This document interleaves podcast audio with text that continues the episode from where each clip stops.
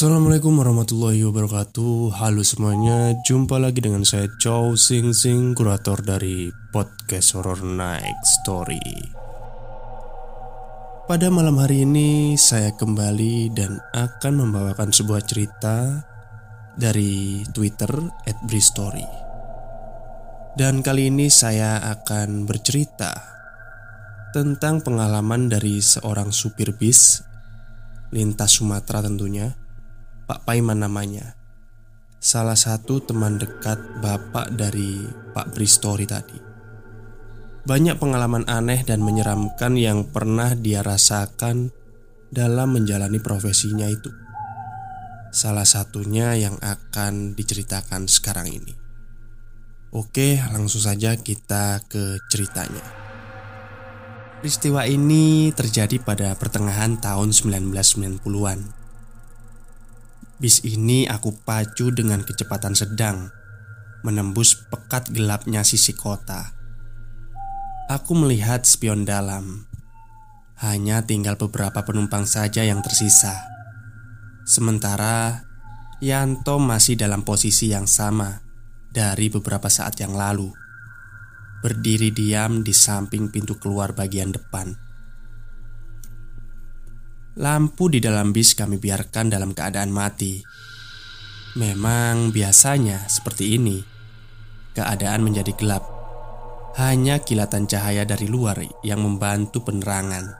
Jalur lintas Sumatera ini menjadi jalur yang sudah kami arungi selama nyaris lima tahun terakhir. Tapi, walaupun begitu, aku tetap saja merasakan sedikit was-was setiap kali melintasi banyak bagiannya. Memang, beberapa kota besar maupun kecil kami lewati dalam perjalanan. Namun, hutan lebat belantara menjadi porsi pemandangan yang lebih banyak. Dengan kondisi jalan berkelok menanjak dan menurun, membelah lembah perbukitan. Tombol klakson aku tekan sebanyak tiga kali ketika beberapa belas meter di depan terlihat jembatan yang berdiri kokoh di atas sungai yang besar. Kenapa harus begitu? Kenapa harus menekan klakson ketika akan melintasi jembatan? Sebagai supir bis malam, itu sudah jadi suatu hal yang harus kami lakukan. Artinya, kami mengucap permisi dalam tanda kutip. Permisi kepada siapa? Konon katanya, setiap jembatan ada penunggunya. Kita sebagai tamu harus bersopan santun dengan si penunggu jembatan. Aku sih percaya-percaya saja. Intinya aku nggak mau kalau nantinya akan terjadi apa-apa apabila aku tidak membunyikan klakson.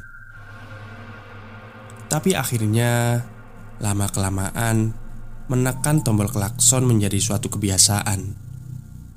Karena beberapa kali aku dan Yanto melihat dan mengalami ketika sedang melintasi salah satu jembatan besar di perjalanan. Suatu malam di pertengahan tahun 1996 Ngantuk kamu toh? Tanya aku kepada Yanto yang berdiri di samping pintu depan. Enggak bang, hehe. Tadi kan udah minum kopi. Abang ngantuk enggak? Mau gantian bang? Jawabnya diakhiri dengan pertanyaan. Aman toh. Bisa lihat Monas ini mata. Hahaha. Jawabku sambil terbahak Beberapa menit lagi jam 12 tengah malam. Beberapa jam yang lalu Kami baru saja meninggalkan kota Jambi Menuju kota Medan seperti biasanya. Seperti biasanya juga Di Jambi tadi kami beristirahat cukup lama. Aku memarkirkan bis di restoran yang sudah jadi langganan Memberikan kesempatan bagi penumpang untuk sekedar meluruskan badan beristirahat, dan makan malam tentunya. Ini juga jadi kesempatan buat aku dan Yanto beristirahat. melepas penat yang ada hasil dari perjalanan panjang sebelumnya. Singkatnya, sekitar jam 9 malam kami melanjutkan perjalanan. Kali ini penumpang tergolong sedikit. Kursi hanya terisi kira-kira setengah dari seluruh kursi yang ada. Tapi walaupun begitu, kami harus tetap berangkat mengantar penumpang sampai ke kota Medan. Sesekali aku melirik kaca spion dalam, melihat keadaan penumpang. Kelihatan kalau ada yang tertidur dan ada yang masih terlihat terjaga. Ada yang duduk sendirian, ada pula yang duduk berdua. Tentu saja ada banyak bangku kosong. Yang aku tahu pasti, barisan kursi paling belakang benar-benar dalam keadaan kosong. Gak ada orang sama sekali. Itu pengamatanku ketika kami lepas dari Jambi. Keseruan ini dimulai ketika bis memasuki kawasan hutan belantara. Hutan yang sangat gelap karena gak ada lampu sama sekali di sana. Kanan kiri hanya ada pepohonan yang besar yang berdiri membentang sepanjang sisi jalan. Memang ada beberapa bangunan kecil yang kami lewati. Ada yang berlampu, ada yang enggak. Ada yang kelihatan berpenghuni dan ada yang gelap gulita kosong. Jarak satu bangunan dengan bangunan yang lainnya sangat jauh. Bisa sekitar 500 meteran atau bahkan lebih. Sinar lampu dari kendaraan yang sesekali muncul dari arah berlawanan berkelebatan menerangi jalan dan bis yang kukendarai ini. Cahaya lampu yang sangat menyilaukan Karena nyaris semua kendaraan menggunakan lampu jauh Untuk membantu penglihatan Biasanya Kalau sedang melintasi wilayah hutan seperti ini Kami yang sebelumnya merasa lelah dan mengantuk Akan segar seketika Ketegangan akan suasana sepi dan sedikit mencekam mendorong adrenalin ke titik atas membuat mata dan pikiran jadi terjaga penuh. Belum lagi jalan yang berkelok kanan dan kiri, menanjak dan menurun, membelah hutan dan perbukitan, membuatku terpaksa harus berkonsentrasi penuh memegang kendali kendaraan. Walaupun ijakan pedal gas nggak terlalu dalam, yang menjadikan laju mobil juga tidak terlalu cepat. Tetap saja aku harus fokus menatap gelaran jalan aspal yang sesekali berlubang. Hati-hati bang Di bawah udah ada jembatan asem. Suara Yanto memecah kesunyian. Sedikit mengagetkanku yang sedang berkonsentrasi penuh. Iya toh Jawabku pendek. Benar kata Yanto. Kami sudah nyaris sampai di jembatan Asem. Satu jembatan besar berkonstruksi besi dan beton. Adalah salah satu jembatan tua yang melintas di atas sungai besar. Kami menyebutnya jembatan asem karena ada satu pohon asem besar dan rindang yang berdiri kokoh di ujung jembatan. Pohon ini jadi seperti batas wilayah pada salah satu sisinya. Jalan menuju jembatan asem ini juga tergolong cukup menyeramkan. Sekitar 500 meter sebelumnya, kami akan tiba di tempat seperti dataran tinggi. Dari tempat tinggi ini, akan terlihat jalan menurun yang tajam menuju jembatan asem. Sebelum sampai jembatan, Jalanan menukik menurun tajam Sepanjang kira-kira 500 meter Berbelok dua tiga kali ke kanan dan ke kiri Baru kemudian sampai di jembatan asem. Banyak cerita seram yang beredar di sini. Ada pula cerita sedih tentang banyak kecelakaan yang pernah terjadi di sini.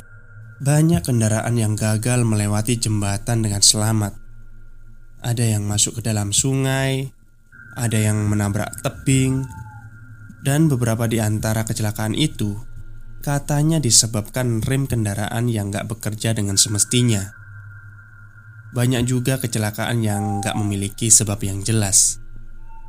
Ya, begitulah. Dalam keremangan cahaya, aku berkonsentrasi penuh untuk menuruni jalan menurun menukik tajam.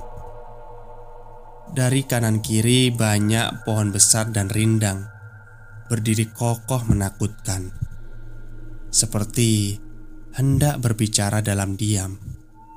Sungguh menyeramkan. Tanpa menyentuh pedal gas, aku mengendalikan kecepatan bis hanya dengan menahan pedal rem, membiarkan roda-rodanya berputar mengikuti gravitasi yang terus menarik ke bawah. Aku memutar roda kemudi ke kanan dan ke kiri mengikuti kelokan jalan, menuntun kami untuk terus turun. Akhirnya, jembatan asem sudah kelihatan.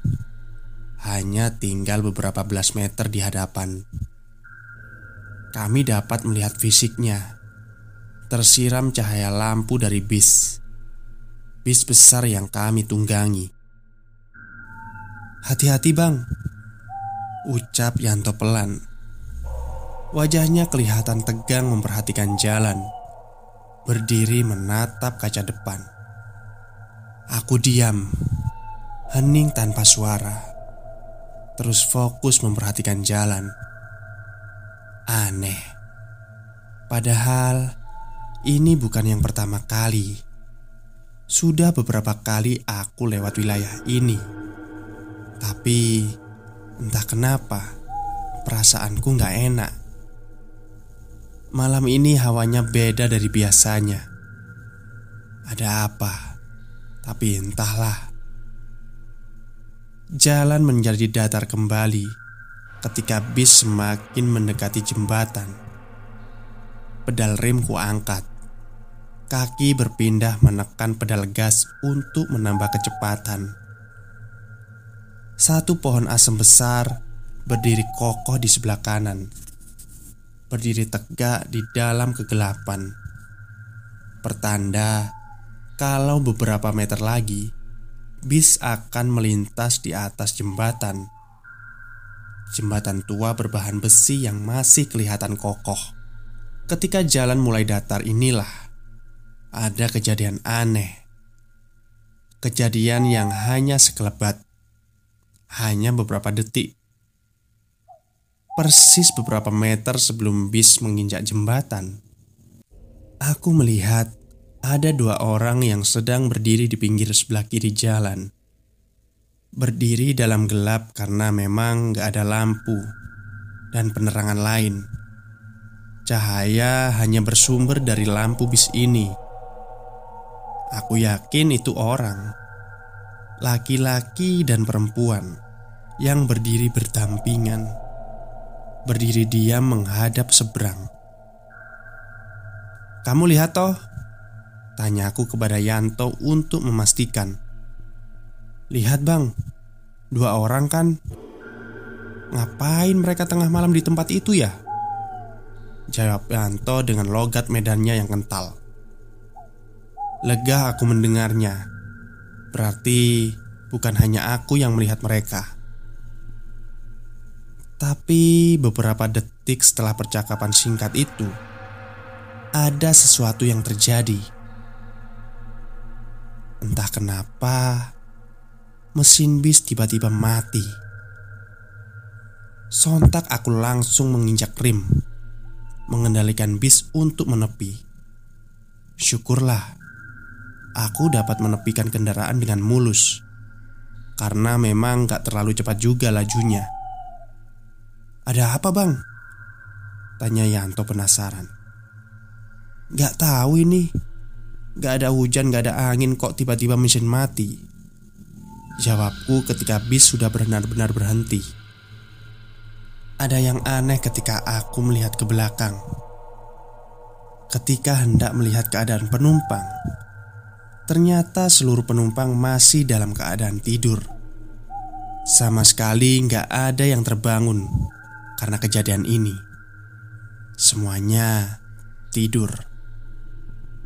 Ya, baguslah, pikirku dalam hati. Jadi, kami bisa mencari tahu penyebab mesin mati dan coba memperbaikinya dengan tenang tanpa gangguan. Aku cek mesin ya, Bang. Dengan sigap, Yanto langsung membuka pintu dan turun dari bis. Sementara aku masih penasaran, lantas mencoba memutar kunci sekali lagi, tapi tetap saja belum membuahkan hasil. Mesin tidak mau menyala. Aku melirik kaca spion luar sebelah kiri dan kanan, berniat untuk melihat keadaan Yanto di luar. Pekatnya malam membutakan penglihatanku. Aku nggak bisa melihat apa-apa Dan Yanto sama sekali nggak kelihatan Ya sudah Lalu aku memutuskan untuk keluar dari mobil juga Sebelum membuka pintu beberapa detik Aku menengok ke belakang Sekali lagi ingin memeriksa keadaan penumpang Dan belum berubah Penumpang yang jumlahnya nggak banyak itu tetap dalam posisinya tertidur lelap. Udara dingin menusuk tulang. Angin bergerak menampar pelan wajah dan tubuh. Ketika kaki sudah menginjakkan aspal kasar jalanan, perlahan aku menutup pintu, menghindari gaduh suara yang bisa membangunkan mereka. Di tengah malam ini, sama sekali nggak ada kendaraan selain kami sama sekali nggak ada. Langkah kakiku yang sedang berjalan menuju belakang bis menjadi satu-satunya suara yang bisa didengar. Sepi, hening, dan sunyi. Akhirnya, sampailah aku di belakang bis, tempat di mana mesin mobil berada.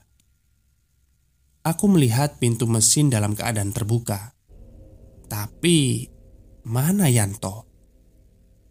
Kok nggak kelihatan? Saat itulah aku lantas melihat sekeliling untuk mencari keberadaannya. Gak lama terlihat ada kilatan lampu senter beberapa puluh meter di belakang bis. Aku yakin kalau yang memegang lampu senter itu adalah Yanto. Karena nggak ada siapa-siapa lagi di sini. Dan benar, itu memang Yanto. Walaupun dalam posisi membelakangi, aku bisa mengenali dari postur dan cara berjalannya. Toh, mau ke mana kamu? Setengah berteriak aku memanggilnya. Jarak kami sekitar 30 meter Yanto sepertinya sudah hampir sampai di ujung jembatan Dia sudah sangat dekat dengan dua orang Yang sedang berdiri di pinggir jalan Dibantu kilatan sinar lampu senter dan serpihan cahaya langit Aku juga dapat melihat mereka sekilas Ya, dua orang yang kami lihat tadi sesaat sebelum melintas jembatan. Ternyata mereka masih berdiri di tempatnya. Berdiri diam tapi nggak lagi menghadap seberang jalan. Kali ini mereka menghadap Yanto. Mendengar teriakanku, Yanto menghentikan langkahnya. Jemput penumpang, Bang. Begitu jawabnya setengah berteriak juga.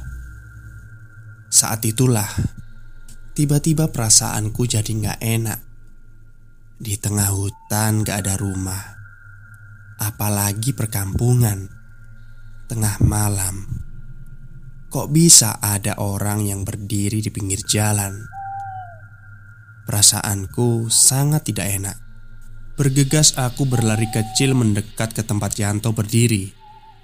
Sudah toh, Gak usah dekati mereka Ayo kembali ke bis saja kita coba memperbaiki mesinnya.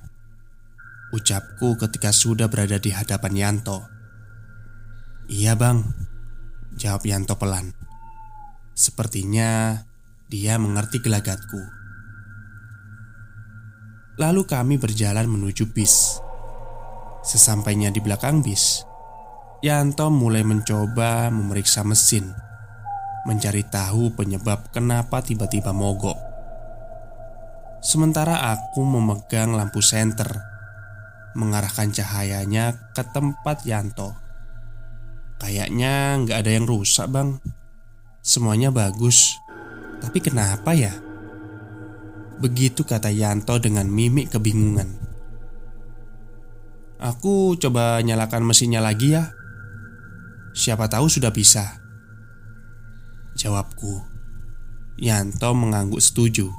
Tapi sebelum melangkahkan kaki ke depan, ruang kemudi, rasa penasaran memaksaku untuk mengarahkan lampu senter ke tempat di mana dua orang misterius tadi berada.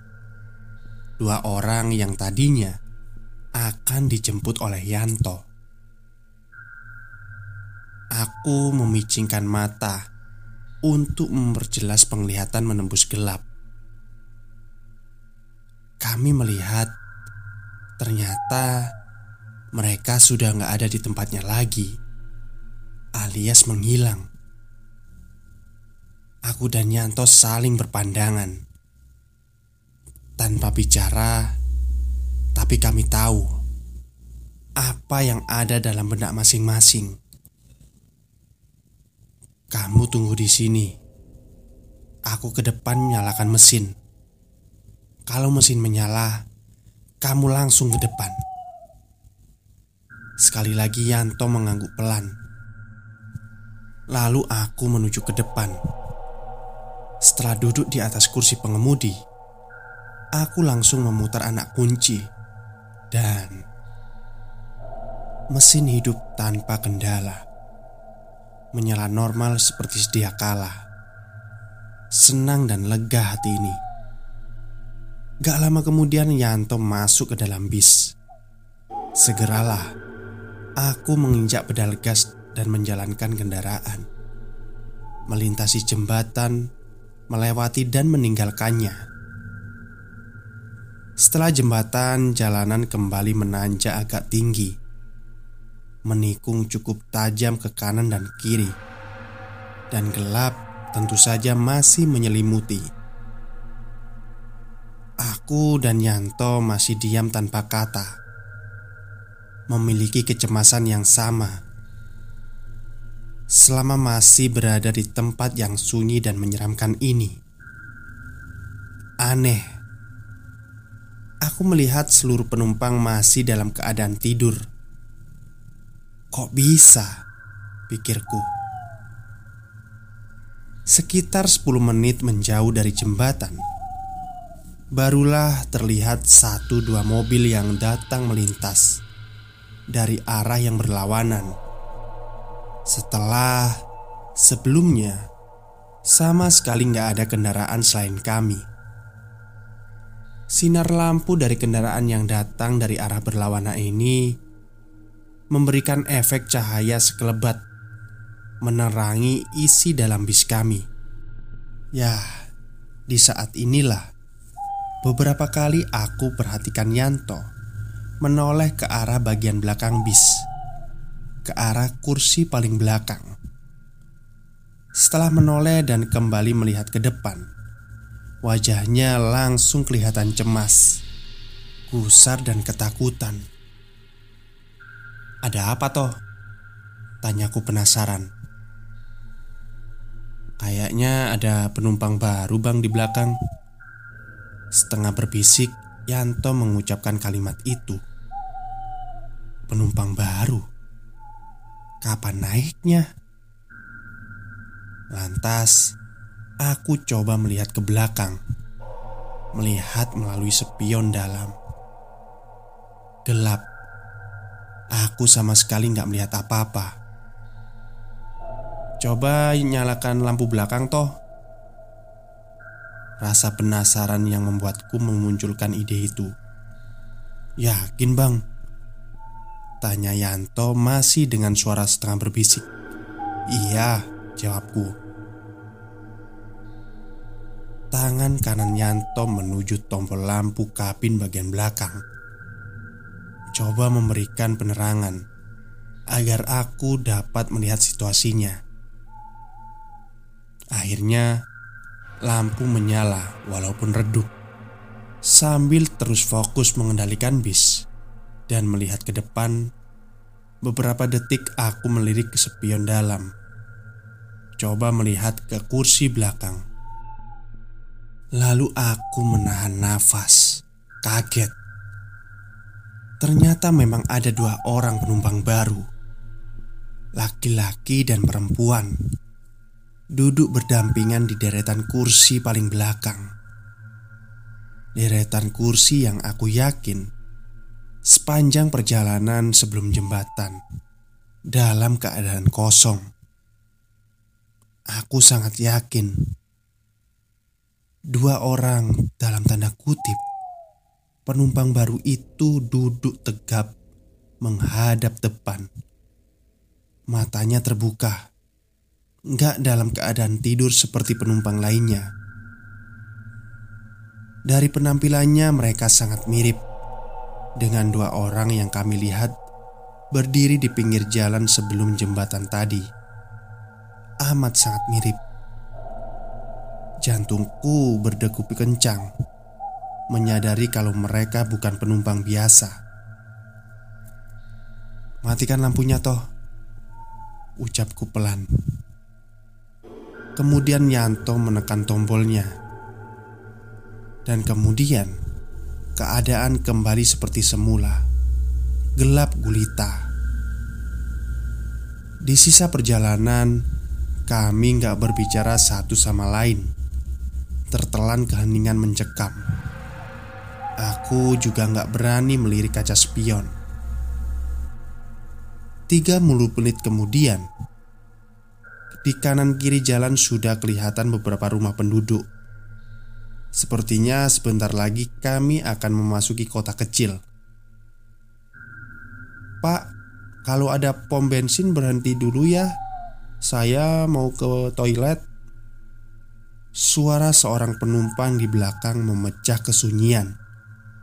"Oh iya, Pak," jawabku kemudian. Kebetulan juga aku sudah hafal sekali. Kalau kira-kira beberapa kilometer di depan memang ada pom bensin. Rencananya kami akan sekalian mengisi bahan bakar di sana. Singkatnya, kami sampai di pom bensin. Setelah bis sudah diparkir, beberapa penumpang langsung bangun dari tidurnya dan turun dari bis. Yanto langsung menyalakan seluruh lampu di dalam bis. Kabin menjadi terang. Refleks kami langsung melihat ke arah kursi belakang. Ternyata penumpang baru itu sudah tidak ada di tempatnya lagi, alias menghilang. Baik, begitulah satu peristiwa yang dialami oleh Pak Paiman dalam perjalanannya lintas Sumatera dan mungkin itu saja malam ini yang bisa saya ceritakan kepada kalian. Semoga kalian terhibur. Selamat malam dan selamat beristirahat.